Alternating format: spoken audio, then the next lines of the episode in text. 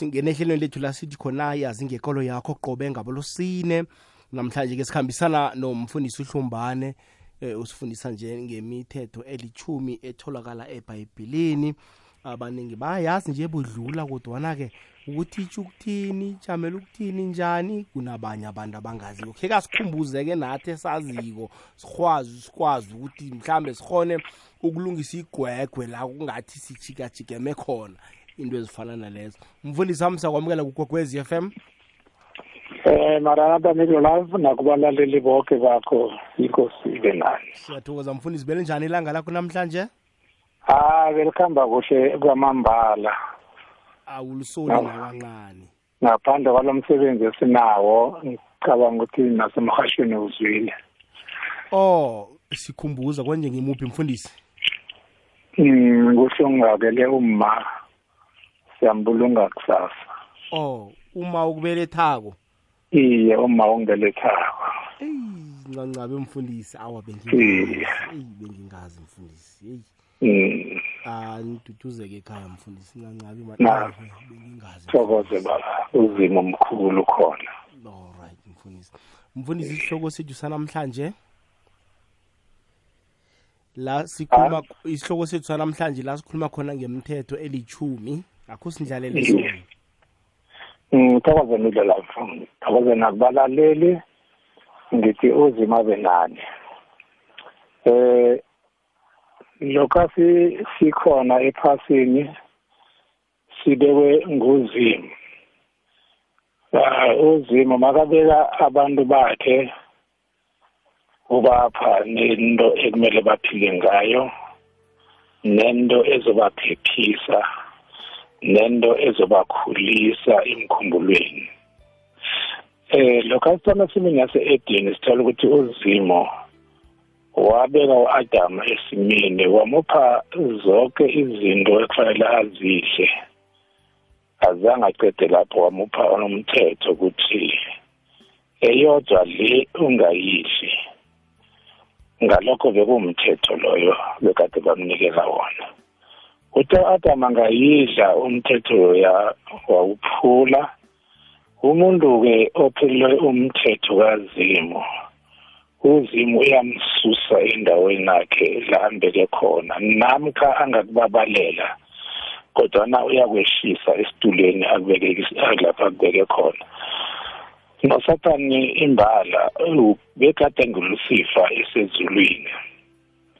Eh ehlala nozimu. Uthe lapho aphula khona umthetho kazimu aziphakamisa afuna ukulingana nozimu.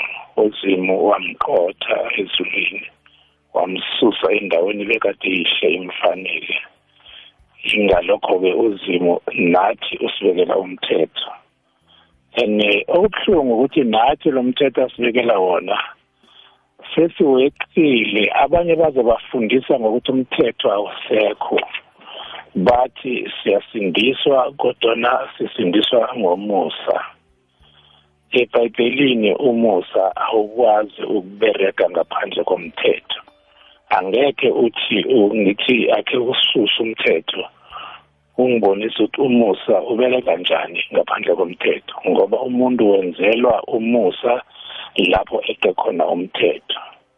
Incwadi exodusi indima ngemashumi amabili endinyaneni yokuthoma eh uzimu ukhuluma amezwi naka bengifuna ukuwafunda. Namkha ngishusha i-load shedding lapha ngizakuzama. Uthi uzimu makakhuluma nabantu bakhe into afuna siyenze lokhu asitshela yona. Amezwi laka uthi uzimu uzimu wakhuluma wonke amezwi wathi nginguzimeni owanikhipha onginguzimu owanina somnini nginguzimu owanikhipha ezweni laseGibhite ngamanye amezwi nginguzimu omkhulu. Akekho omunye uzimu nganikhipha lapho bekade nihlaga khona lapho bekade ningaphili kuhle khona. Khumbulani ukuthi nginguzimini ungaloshi abosingazima abanye. Ngaphandle kwami losha mina kwaphela. Ngamanye amagama akekho omunye umuzimo okufanele simlalele ngaphandle kozimo owasikhipha emhlagweni wasikhipha endweni ebekade siziphiwe namkha kade sizinikelwe ngusathane enzela bona sife. Uzima uthi nganikhipha lapho makaragela phambili athi ungabi nabanye abosingazimu namkha ungaloshi abanye abosingazimu losha mina kwaphela. Umthetho uzima sinikela wona lona. Asizibuze namhlanje lokho asiqale ephasini abantu bangakhi abosingazima babaloshako babahlanganisa nozima abanye bathi hayi uzimu uyavuma ukuthi senze lokhu naye simloshe. Uzimu akahlanganiswa nomunye uzimu unamandla yedwa akunamunye usingazimu ongamhelebha ukuthi abuse naye emthethweni wakhe. Umthetho wakhe-ke uthi singabi nabanye umthetho loyo. Lokho aragela phambili athi ungabulali ungebi zonke lezinto zingumthetho kazimu umthetho kazimu wenze ukuthi ukhambe kuhle uphile kuhle. Umuntu owebako akaphili kamnandi phakathi kwabantu. Ufuna ukuzifihla ufuna ukubaleka uhlala alindele ukuthi angaboshwa namkha kunini. Kodwana lokhu awuzihlalele ungenzi litho ungebi ungabulali ungazenzi izinto ezimbi uhlala kamnandi angombana ayikho into esisabako ushapulukile njengoba ujesu weze azosijabulula uzimo ufuna siphile leyo mpilo-ke. Eh lokho aragela phambili uthola ibhayibheli encwadini yaberoma indima ngeyekhomba mawufunda indimaneni yekhomba uye indimaneni okuyishumi uthola upawulos ubuza mbuzo lapho uthi eh ngingathi uthi ngakhe ngaphila ngaphandle komthetho. Eh ngingaphila njani ngaphandle komthetho? Ngombana ngathola ukuthi akusimnandi ukuphila ngaphandle komthetho. Aragele phambili athi umthetho muhle. Umthetho ucwengile. Makathi umthetho muhle ucwengile umthetho yinto esiletha kuzimu yinto ethandwa nguzimu into enza ukuthi nephasi lilawuleke. Namhlanje isiphasi alilawuleki ngombana abantu beqe umthetho. And umthetho lo bawuqako siwuqala kuwumthetho wephasi. Abantu bayakhwabanisa imali ziyetshiwa emapalamende kuyetshiwa bomasipala kuyetshiwa masiya ebhayibhelini. Abekeqha umthetho wephasi beqha umthetho kazimu ngombana mthetho kazimu uthi ningebi uzimu ufuna siphile impilo yokungebi sizophila kamnandi. Impilo yokungabulali sizophila kamnandi. Umthetho yini okokuthoma ukulalela uzimu ukwenza into athi yenze nokungenzi into athi ungayenzi. Umthetho loyo. Masingatholisisa ukuthi umthetho yini. Angeke sikhambe sifundise abantu ukuthi umthetho waphela. Encwadini kaMateyu yesahluko ngesekhomba sithola kunguJesu okhuluma ngomthetho. Athi ningathi ngize ukuchitha umthetho nabaprofita angikaveli ukuwuchitha kodwana ngizele ukuthi ngiwugcwalise. Into lokha athi ngivele ukuyigcwalisa sizayibeka sithi uragela phambili ujesu. Athi lo mthetho wathi ungebi waphelela lapho wathi ungebi. Kodwana mina ngithi umuntu owebayo ufana nomuntu obulalako. Ngomthetho wathi ungakhulumi amanga. Athi uJesu umuntu okhuluma amanga uyafana nomuntu obulalako. Uyagcwalisa umthetho. Ngamanye amezwi makasagela phambili uthi kuzakudlula izulu nephasa angekhe kwadlula nasicashana esincane somthetho. Ngamanye ama amezwi umuntu lokho azogwetshwa nguzimu uzamgweba ngani umthetho mawungekho? Ngoba nebhayibheli lisitshele ukuthi ngiloyo naloyo uyoziphendulela phambi kukazimu incwadi yaberoma isahluko ngesika-14 verse yaka-12 uthi ngiloyo naloyo uzoziphendulela kuzimu uyophendula ini lokhu awungakanikelwa umthetho. Ngombana uyophendula ukuthi kungani sithe ungebi wena weba kungani ngathi ungabulali wena wabulala? Kungani ngathi ungazondi wena wazonda? Zonke lezo zinto yizo seziphendula zonke zishiwo ngumthetho kazimu. Yini-ke umthetho kazimu? Incwadi kaJohannes wokuthoma first John chapter 3 verse 4 ithi ukweqa umthetho sisono. Namka isono ngokweqa umthetho. Mayithi isono ngokweqa umthetho umuntu akakwazi ukwenza isono makangakeqi umthetho. Makenze isono weqe umthetho. Umusa ungena bunjani-ke emthethweni? Umusa ungena ngokuthi wena weqe umthetho. Watshela ukuthi bona la kumoshile webile. Wathi eh ngiyabawa ningibabalele angeke ngibuyelele ngeke ngeke ngombana uyabona iphutha lakho uyayibona into oyenzileko ukuthi wenze kumbi weqe umthetho.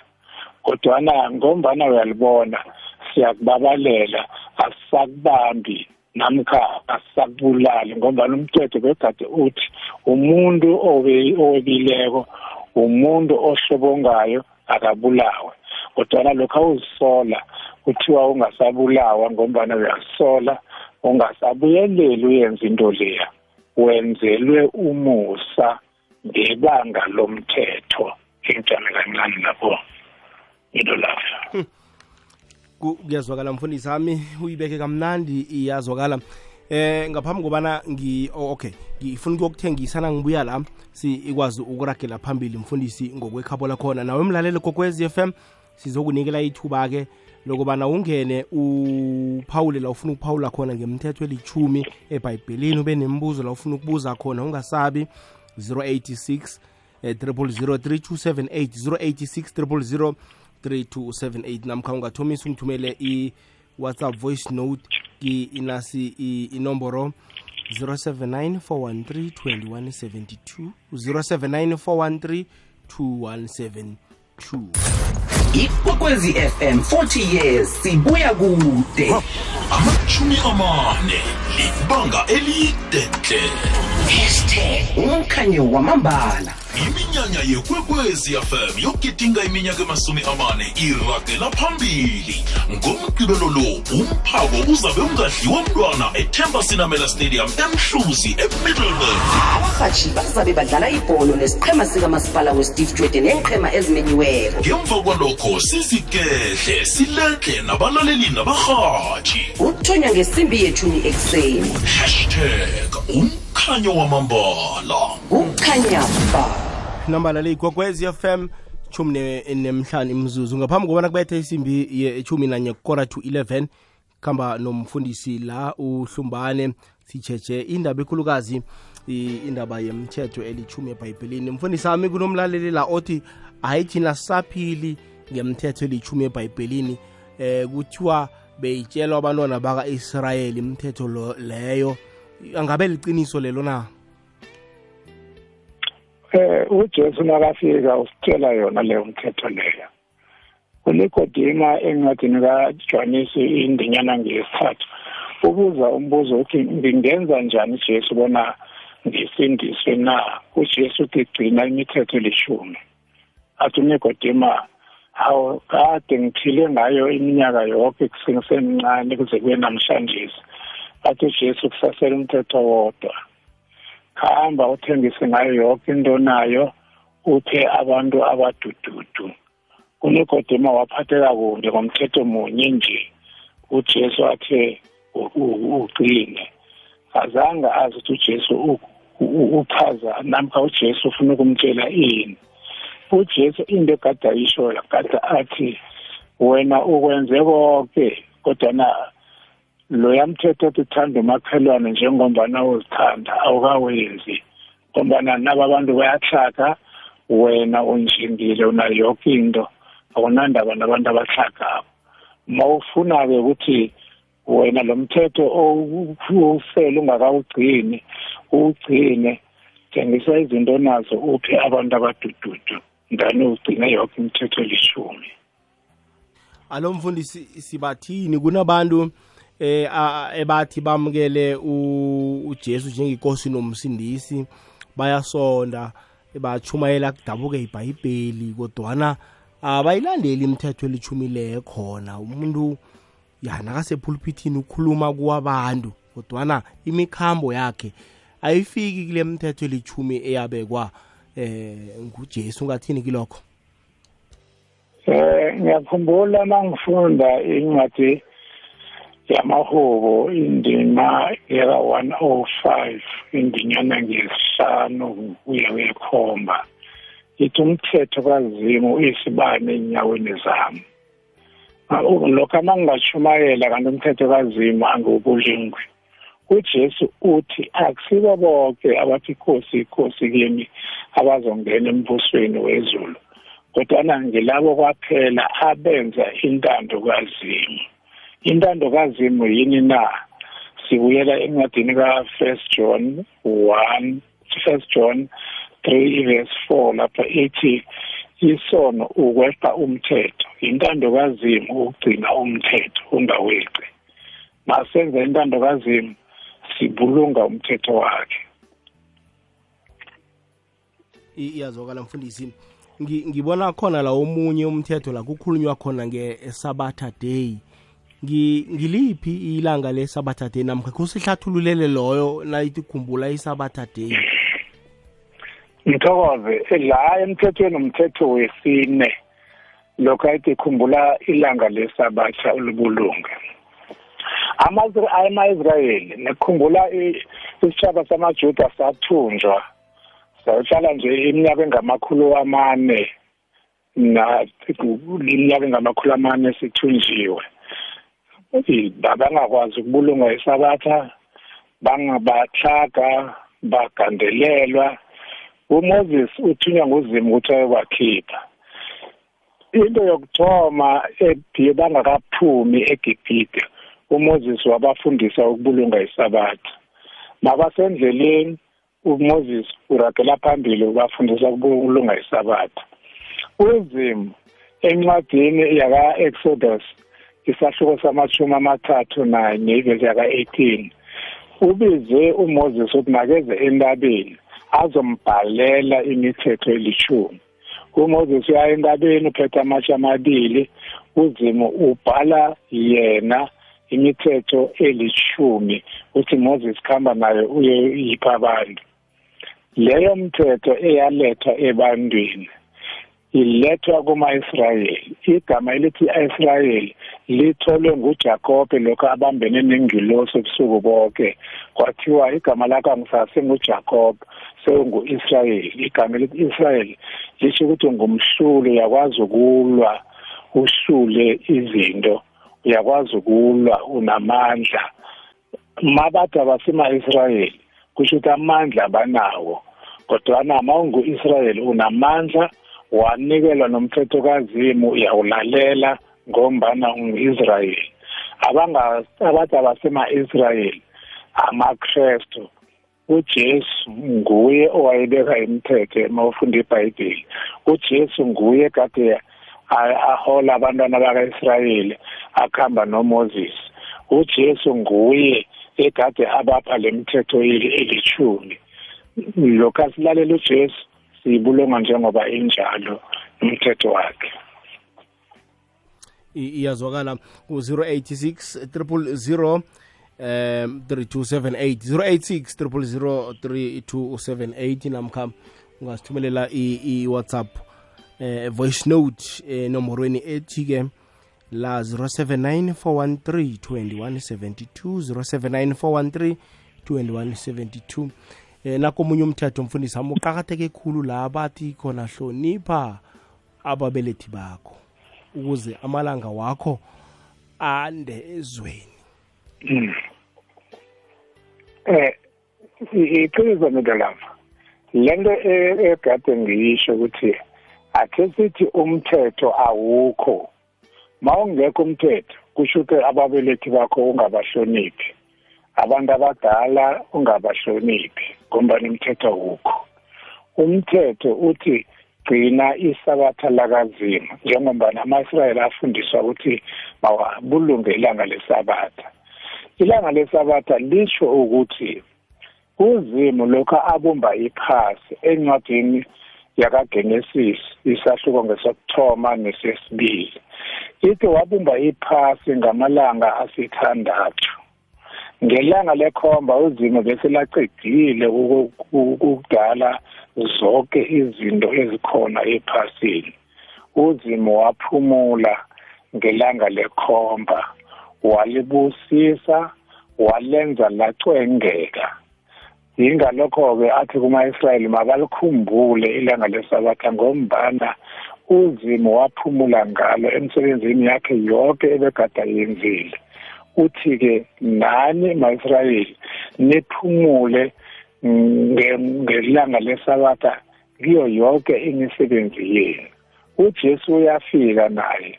Encwadini yakamateyu isahluko ngesekhomba ujesu ukhuluma ngayo imithetho elishumi enesabatha phakathi. Lokha oragela phambili encwadini kaluka isahluko ngesesine ithi ujesu begade eza ekonzweni ngelanga lesabatha njengomkhuba wakhe namkha njengento ayijwayeleko. Wafunda izincwadi washumayela ngelanga lesabatha. Konke ujesu bekade akwenza lokhu okubhalwe embhalweni lokhu abantu kwabo bathi kwama-israyeli. Kanti ngwabantu abakholwa kuzimu abathi balandela uzimu. Masilandela uzimu ujesu wamlalela uzimu wenza izinto uzimu athazenze. Masithi sikholwa kujesu nathi asilibulunge isabatha njengoma njengombana ujesu walibulunga wagcina isabatha nomthetho kazimu. Njengombana ujesu wawugcina umthetho. Mfundisi wami ngiba wakhe siphe umlaleli ithuba simuzwe bona ubheka athini kwekwezi lotshani? Lotsha mhathi ninjani mama? Ngiyaphila ninjani? Siyaphila. Ukhuluma nonimaka sibungapha ngaseharankuwa iye. Ngicela ukubingelela nomfundisi wami ngapho. Ngithokoza ma. Ya umbuzo ebengifuna ukuwubuza umhathi ke wakubuza wona kodwa angisazwanga nempendulo ukuthi utheni. Bengicela ukuchazelwa mfundisi wami kahle kahle ilanga lesabatha ilanga liphi la emalangeni eviki esinawo phakathi kwemonday up to sunday.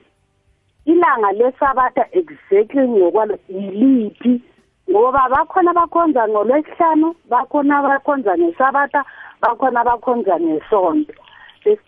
Bengicela ukuchazela kahle kahle ukuthi ilanga eliyilo isabatha okukhulunywa ngalo esibhayibhilini yiliphi phakathi kwawo malanga la esinawo phakathi kweviki ngiyabonga lalela emhathweni siyathokoza mama mfundisi? Ngithokoze uma ubuze kuhle. Encwadini kaluka isahluko ngesesine.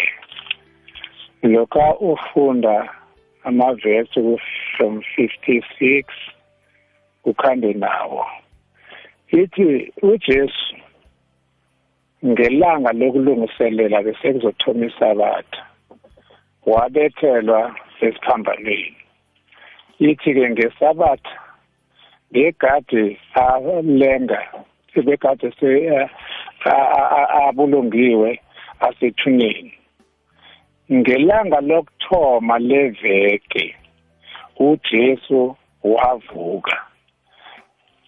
Ilanga lokuthoma leveke eBhayibhelini ilanga langesonto leli libizwa ngokuthi isonto ngoba neBhayibhelini awekho lawo magama ngelisabatha kwaphela elinegama. Wavuka uJesu kungesonto amakholwa la angathi awalazi la athi awalazi ilanga lesabatha bayalazi ilanga lokuthoma leveke ngombana ngama-good friday ba-celebrate namkha bagidinga ukufa kukajesu nokuvuka kwakhe. Ngosonto ekuseni bonke bazajabula bathi namhlanje ujesu uvukile. Ngosondarha ekuseni mawuya ebhayibhelini ithi ngelanga lokuthoma leveke ujesu wavuka. Ngalokho bayayifakazela ukuthi ilanga lokuthoma ngusonto ilanga lesabatha ngumgcibelo ngamanye amagama mfundisi wami ngomgcibelo kufanele umsebenzi ungathindwa nokuthindwa. Fanele umsebenzi ungathindwa ngomgcibelo manje pheze asi opposite mfundisi. Ngomgcibelo sisebenza kakhulu besitshayisa ngo-1 ngusondo la umsebenzi esingawuthindi khona esikhathini esiningi mhm. Ngombana ugovernment angithi uyenzile leyo nto leyo. Masifunde ebhayibhelini. Abantu silandela ugovernment kunokulandela uzimu. Ingalokho uJesu wathi nilandela abantu kunokulandela ilizwi lakazimu. Konke kushiwa ngogovernment siyakwenza singaqali ilizwi lakazimu. Lento uJesu maka uzimu makaletha ilizwi lakhe. Kuba nebhayibheli. Ibhayibheli ifana nokuthi umuntu olahlekileyo imbuyise ukuthi nasi indlela. Mawumfundisi umsebenzi wakho ukufundela abantu uthi la silahlekile uzimu uthi nasi indlela ekufanele sikhambe ngayo. Kodwa into engiyibonako sithi kunale igama elithi umuntu maka abantu mabakuhlula bajoyine ukuhambe nabo. Ngilento esiyenzako. Masihluleka sajoyina ukuhamba nabo. Asithi ilizwi lakazimu lithi yenza nje. uJesu uthi hlolani imibhalo ngamanye amezwi uthi uJesu yenzani ihubhululo ukuthi imibhalo ithini? Ngombana yonke imibhalo ifakaza ngami. uJesu usifakazele ngezenzo. Azange afakaze ngomlomo kwaphela. Ukhulumile ngomlomo wafakaza ngezenzo zakhe. Yonke into uJesu kwegada yenza ifakazela ukuthi uzimu ukhuluma iqiniso izinto zakazimu ziliqiniso uzimu akashuguluki ujamile entweni athi masiyenze. Ngalokho umthetho wakhe uhlezi ukhona. Yingakho nabo-government bonke namhlanje bagweba ngumthetho kazimu. Mabathi umuntu webile nange ufakwe ejele mawuye ebhayibhelini uzimu uthe ungebi. Mabathi umuntu ubulele ufakwe ejele mawuye ebhayibhelini lithi uzimu uthi ungabulali. Mawakuthiwa umuntu ukatile ufakwe ejele uye ebhayibhelini emthethweni lishumi ithi ungakati lona yechumi umthetho wechumi ithi ungahaleli ngisho umfazi womakhelwane wakho. Lokho asenza indwezo siphula umthetho kazimu ugovernment bonke babuswa ngumthetho kazimu lo thina sithi asiwufuni mawukhuluma ngogovernment siyawufuna kodwa nalokho awukhulunywa ngozimu. Sithi umthetho awusebenzi. Ya kuyazwakala mfundisi. Khe sizwe la? Lotshani ngekwekwezini kupapi ngisebhinona mina bengiba ukubuza lapho umfundisi ba uthi mzukwana nabazakuthi ugesi ngesiphambanweni kunasi imbhalo ngesigridi batsho beyitlolwe lapha ngesiphambanweni ujesi kade abethele kuso. Ngasuthi ithi inri eh okungu i n r i. Beyitsho ukuthini mfundisi? Ngiba ngihlathululela ngetokoza mfundisi wami singamphendula? Eh angamuzwa kahle ukuthi imbhalo begade ibhalwe ukuthini? Washo kunombhalo wesigrigi ebowubhalwe esiphambonweni lokha ujesu nakabethelwako basho umbhalo lo bowubhalwe inri okay okay ngimphindule baba. Eh angikwazi umbhalo loyo engwaziko umbhalo. Ithi uJesu makabethola esiphambanweni kwanithatha incwadi yomthetho ejamelana nathi yabethelwa esiphambanweni. Sikhumbuleke ukuthi kunencwadi yomthetho ekade zibhalwa nguMoses uzimo athi bhala ukuthi nokuthi. Kunomthetho owabhalwa nguzimo ngesandla sakhe ematsheni. Nalapha ethempelini bekade ingabekwe endaweni e-, efanako.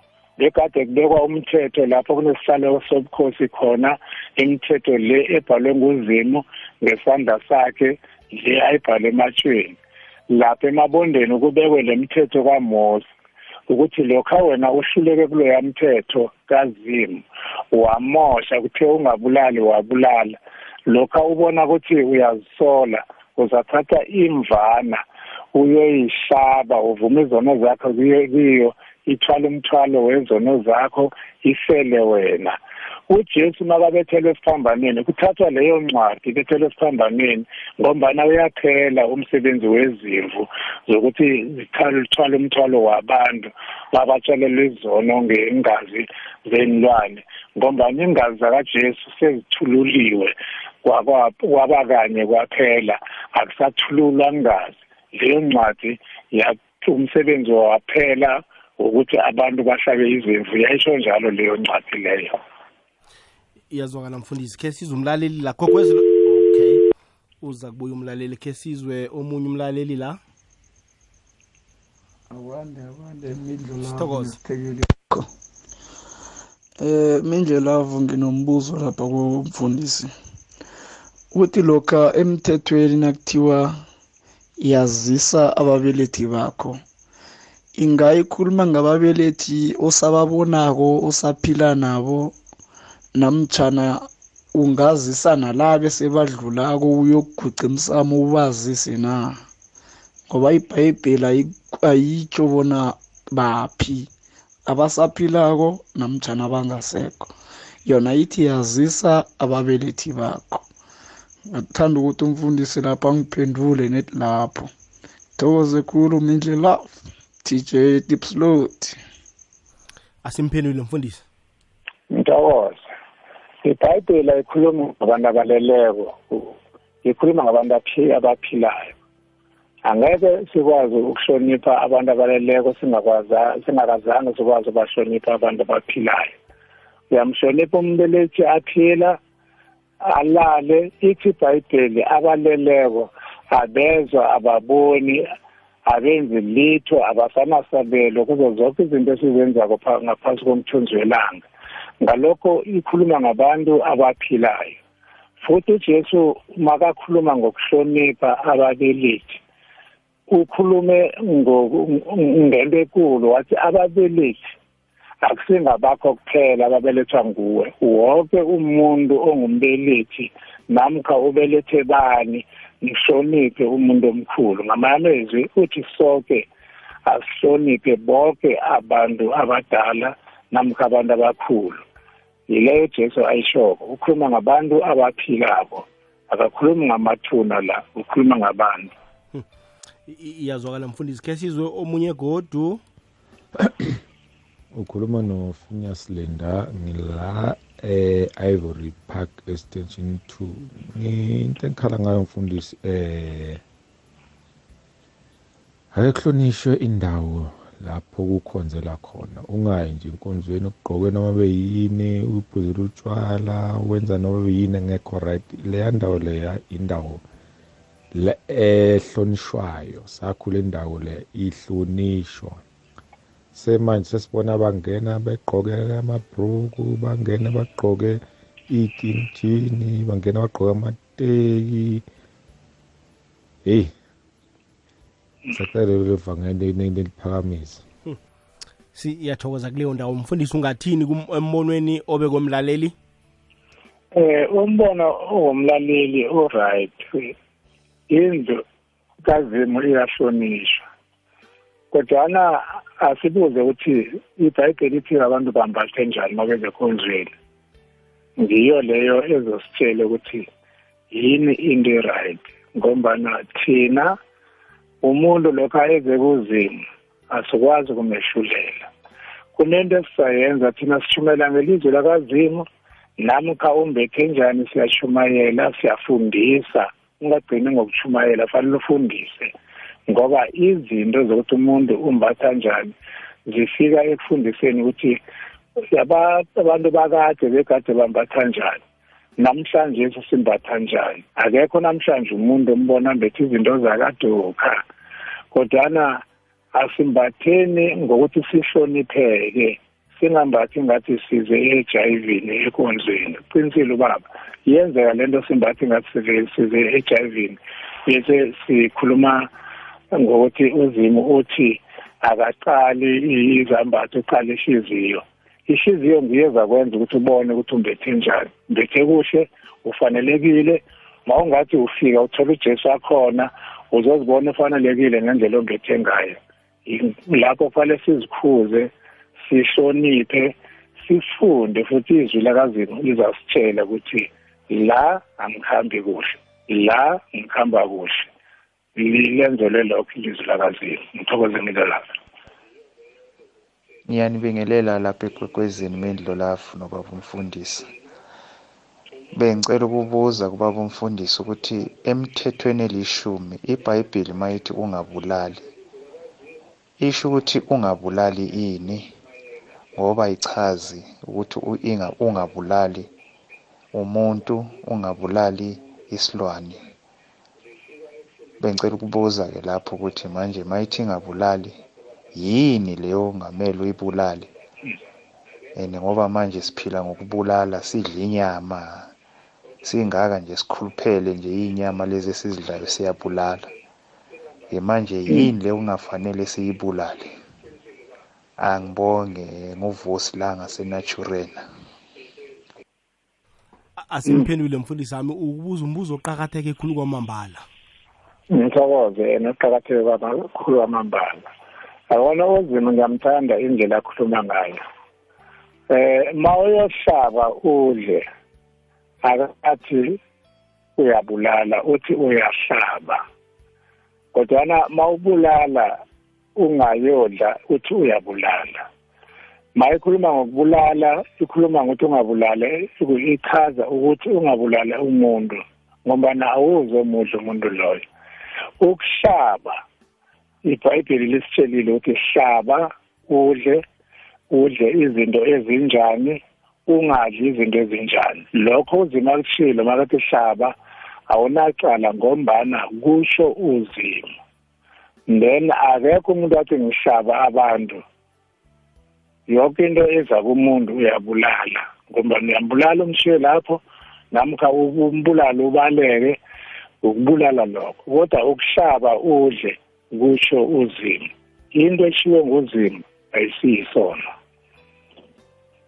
utsho ukuthi nakunande kuhlatshwa inkukhu kwenziwa amabrayipek mfundisi abantu abenza isono akusikukhipha umphefumulo. Akusizi sona ngombana kutsho uzimo into eshiwo nguzima ayisiyisono oh uzimo uthi na uhlabela ukudla ayisisisono iye. Mm. Kodwa nawubula nawubulala umuntu oviyasi kusisono ngoba isisono. ngeke wadla umuntu. Iye. Okay no iyazwakala. Ingakho izokhuluma ngokubulala nangokuhlaba. Zimbili azifani uyabulala uyahlaba. No ya ngiyabona. Mfundisi wami sesiyemaphethelweni sesizoyivala la ngokwikhabo lakhona. Um akhe sikhulumise nakuya umthetho othi mnangabi namehlo amaningi mm. ungathini ngakuloyo mthetho? Ungaphingi? Nopaul uyayikhuluma encwadini yabasekorinte uthi umuntu nomuntu makabe nowakhe unkosikazi. Asithome esimini yase-edeni esimini yase-edeni uzimo wenza indoda wenza inkosikazi. Owengubo munye ababi babili. Makathi ungabe namehlo amaningi. Kulapho-ke umuntu eca umthetho lokha aba namehlo amaningi.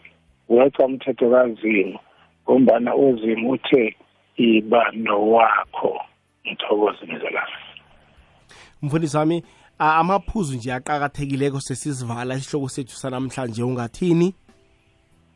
Ngithokoze ngizolala ngithanda ukuthi kubalaleli. Akhe enzeni izinto zakazimu ziqakatheke? Mase ngabona ukuthi uzimo thina uwenze ukuthi siqakatheke kangangani?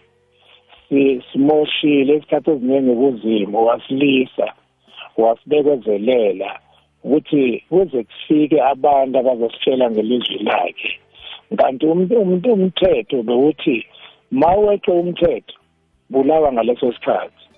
Umusa wathi maweqe umthetho nikezwa isikhathi sokuthi uzibone ukuthi awukenzi kuhle. Lo musa-ke esisenzelwa wona ngozimo siloko siphula umthetho kazimu. Asibone ukuthi uzimu uyasithanda uthando kazimu lungangani sibuyele kuye simthande sibawe ukuthi asibabalele asifundise ukuthi umthetho wakhe uyini. Lo mthetho wakhe usikhanyisela njani endleleni njengoba nathi umthetho wakhe uyasikhanyisela. Iragela phambili incwadi yamahubo ithi umthetho kazimu isenza usenza sihlakaniphe. Ngamanye amezwi bonke ababulunga umthetho kazimu ithi ibhayibheli bahlakaniphile futhi bahlakanipha kakhulu kunalabo abangabulunga umthetho kazimu. Inkosi inibusise iyazwakala mfundisi ungasikhumbuza mfundisi bona uma uyokubulungwa sikhathibani nini kuphi? Eh ngithokoze khulu. Uma uyokubulungwa kusasa ngolosihlanu kusukela ngo-8 uya ku-9 enkonzweni yakababa ujele lapha i-last bathi the last trumpet bathi the last trumpet church ya. Ngaze ngibiza kuhle mara abaningi bayamazi umfundisi ujele. Lapha ekangala. Uyobulungelwa lapho kusasa kusukela ngo-8 ukuya ngo-10 mfundisi wami nimndeni sibawabona niduduzeke. Anikalahlekelwa ninodwa. Thokoze milo love. Ikhosi ngathi nganibusisa nomndeni wenu ikwekwezi nayo ikhule iye phezulu. Ngithokoze. Siyathokoza mfundisi. Uzweke. Umfundisi uhlumbane la besikhuluma ngemthetho elithumi sithemba ke bona uwathethe amaphuzu aqakathekileko azokusiza empilweni akho umlaleli kokwezi FM